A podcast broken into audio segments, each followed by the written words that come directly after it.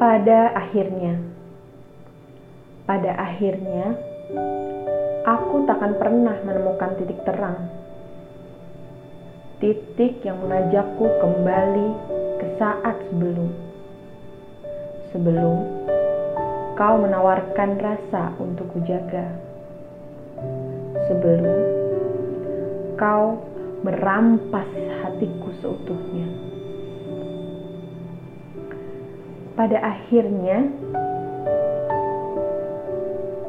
kita pernah terjebak pada perbincangan hangat. Kalimat yang keluar dari bibirku menjadi bagian doa-doa terhebat.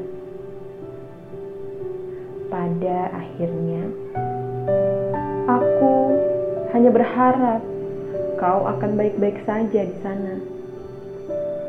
Meski sampai saat ini, aku masih merasakan di pihak yang bersalah.